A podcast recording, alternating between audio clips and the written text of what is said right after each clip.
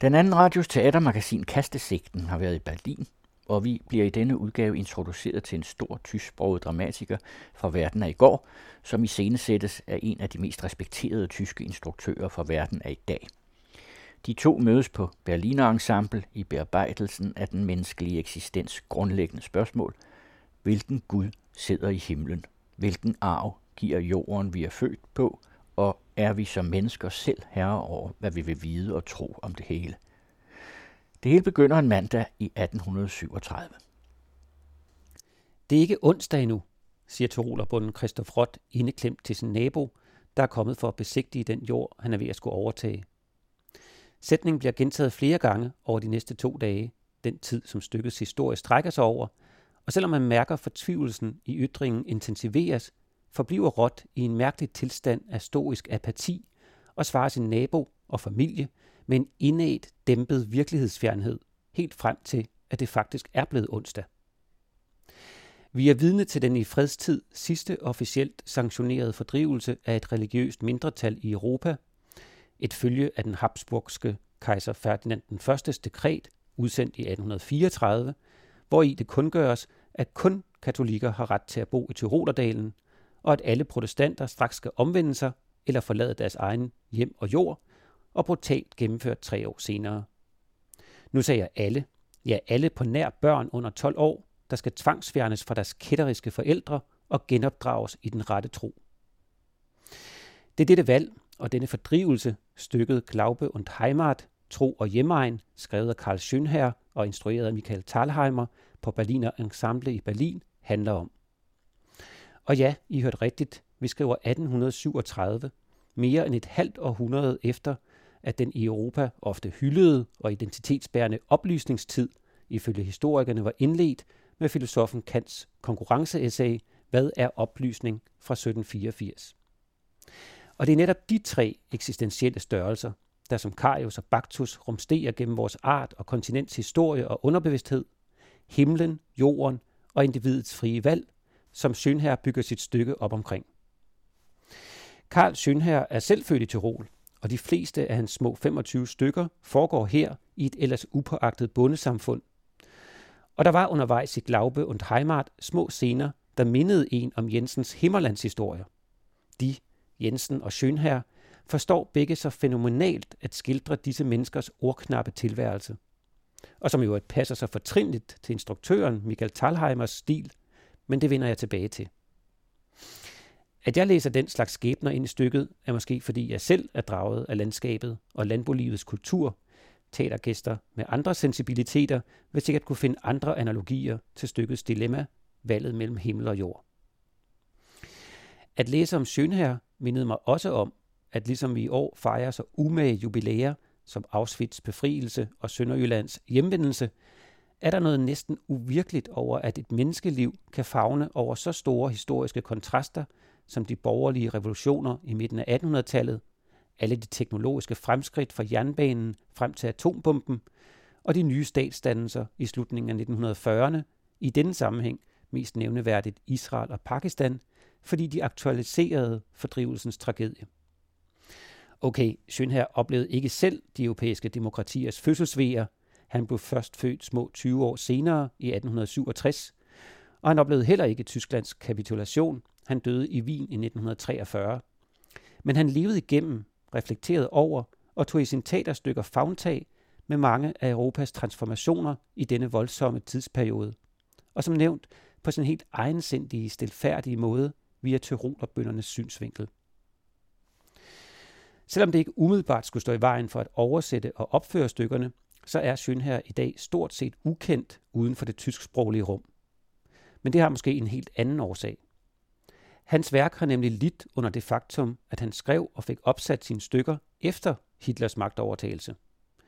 Og selvom der ikke findes noget utvetydigt bevis på, at han sympatiserede med nazisterne, og selvom han var gift med en jødisk kvinde, der overlevede ham med 13 år, ja, så er det faktum, at han på uforklarlig vis forblev aktiv op gennem 30'erne, nok til at hans eftermæle er besudlet. Jeg har forsøgt at finde tidligere opsætninger af Schönherr herhjemme, og fandt i Dansk Forfatterleksikon en henvisning til, at Charles Kjærulf har oversat Glaube und Heimat og at stykket under titlen Tro og Hjem havde premiere på Dagmarteateret i 1912. Men bortset fra en enkelt anden dunkel henvisning til en opførsel af stykket Billedskærende på det kongelige i 1901, har jeg ikke fundet yderligere tegn på, at danskerne har gjort hans bekendtskab.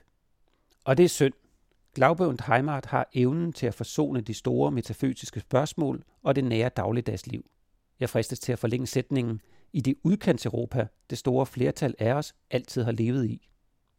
Og så giver stykket et indblik i de voldsomme modsætninger, der kendetegner grænseregionerne, hvor katolikker og protestanter har levet og overlevet side om side. I kataloget til stykket gør bidragsyderne meget ud af spørgsmålet om netop disse modsætninger. Dualismen mellem den rette tro og det, der ikke er, som i troens tjeneste og logik må være det onde, denne dualisme mellem sandt godt og falskt ondt oversættes til en konflikt mellem kirken og enevældet på den ene side og oplysningstiden og humanismen på den anden, som ifølge kommentatorerne udgør bagtæppet for dramaet i familien Rots hjem. Men jeg oplevede faktisk stykkets indre fjeder lidt anderledes. Jeg tænkte, at valget, der martrer Christoph Roth i Glaube und Heimat, i virkeligheden står mellem to metafysikker, to former for overtro. Den, der knytter sig til troen på Gud, og den, der knytter sig til troen på, at kun der, hvor man er født, har man hjemme. Det sidste er naturligvis et meget aktuelt eksistentielt valg for mange af verdens 64 millioner flygtninge, eller som jeg så skrevet på en husgavl, hvert sekund bryder to mennesker op fra deres hjem og hjemmeegn og bliver flygtninge. Søgende efter et nyt hjem. Og selvom man tænker, at Jesu forkyndelse, som jo står i centrum af katolikernes og protestanternes konflikt, netop er et opgør med at knytte sig for stærkt til jorden. Og siddende her i en af de mest kulturelt forskelligartede metropoler i Europa, spørger man sig selv om det der hjemmeegnsføleri, der jo har fået en besynderlig renaissance i vores tid, hvor nationalismen synes at have peget sig med en nærmest religiøs fanatisme, ja, så spørger man sig selv, om det ikke i lige så høj grad er en gammeldags overtro, som det er at tro på, at Gud skabte verden på syv dage, en anachronistisk guerillakrig mod globaliseringen, multikultur, internetificeringen og ja, fælles standarder i EU for den sags skyld, der kun trives i mangel af oplysning og fremskridtstro. Eller er fædrelandskærlighed bare et andet ansigt af kærligheden til livet, naturen og fortrolighed med sin egen historie? Ja, det er ikke et retorisk greb, det er et åbent spørgsmål til lytteren.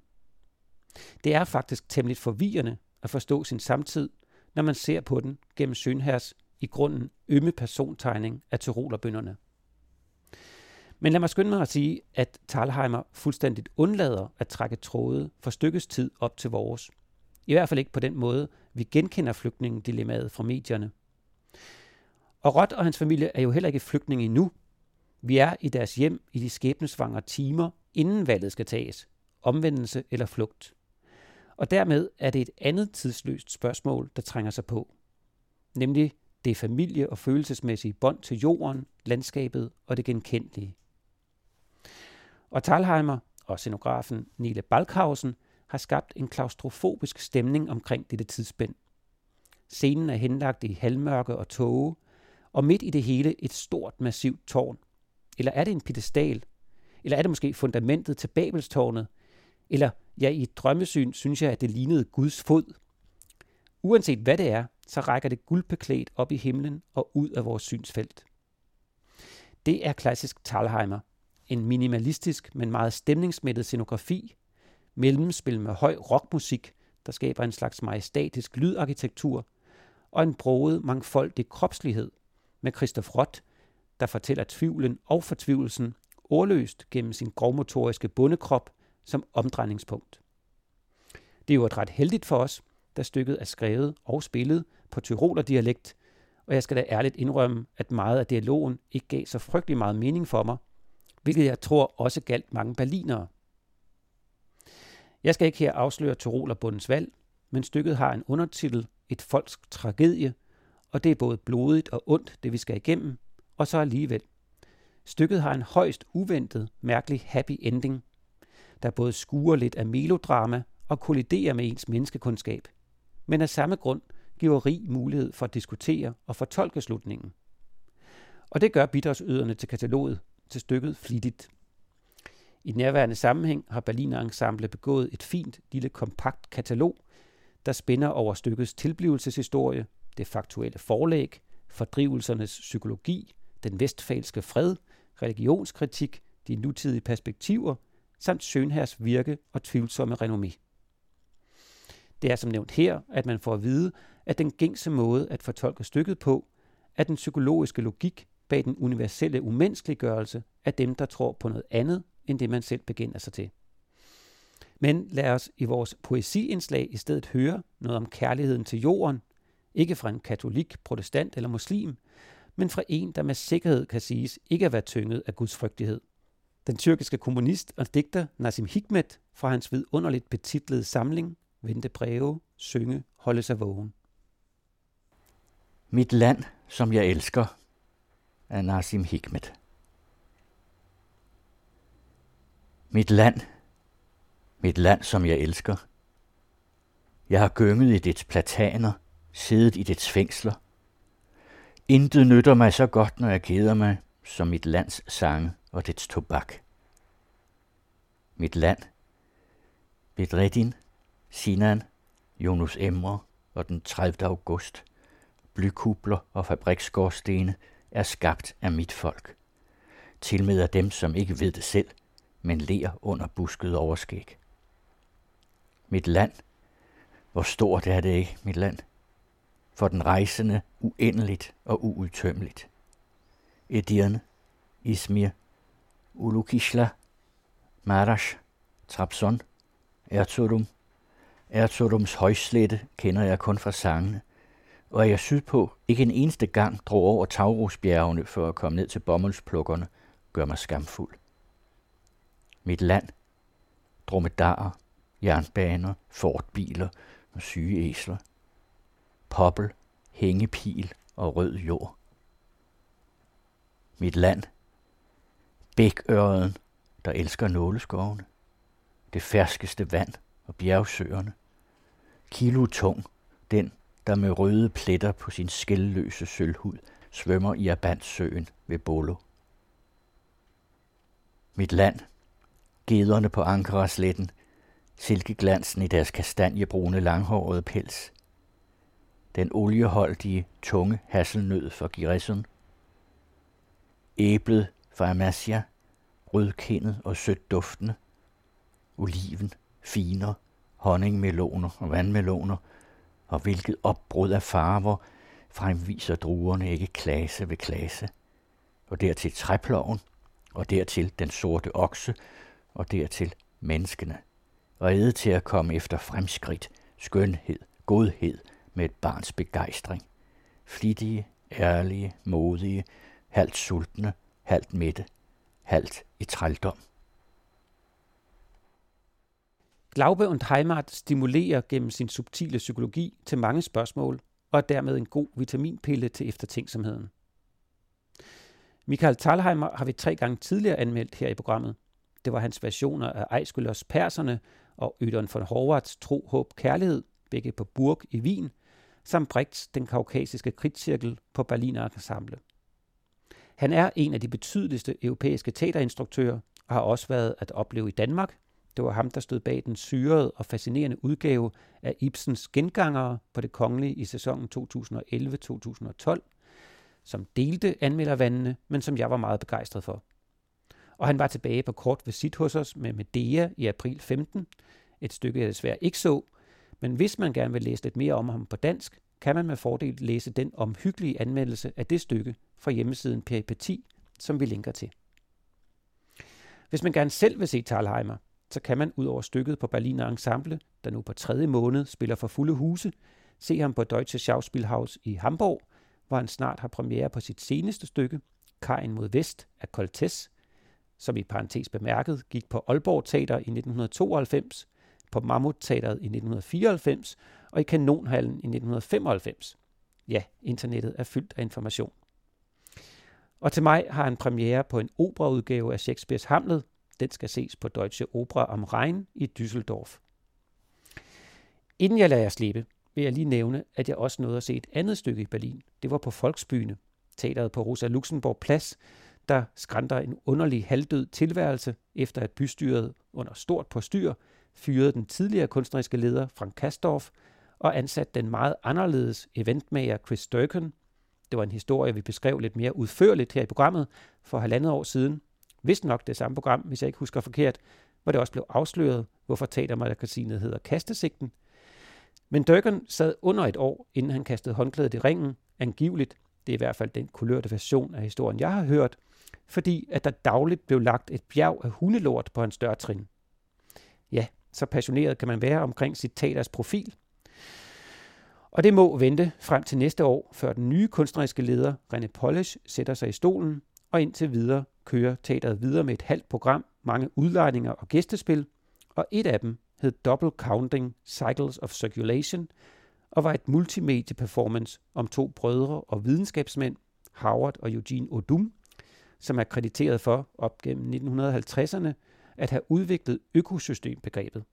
Altså groft forenklet den tankegang, at alt i naturen hænger sammen, fra den mindste bakterie til den voldsomste storm.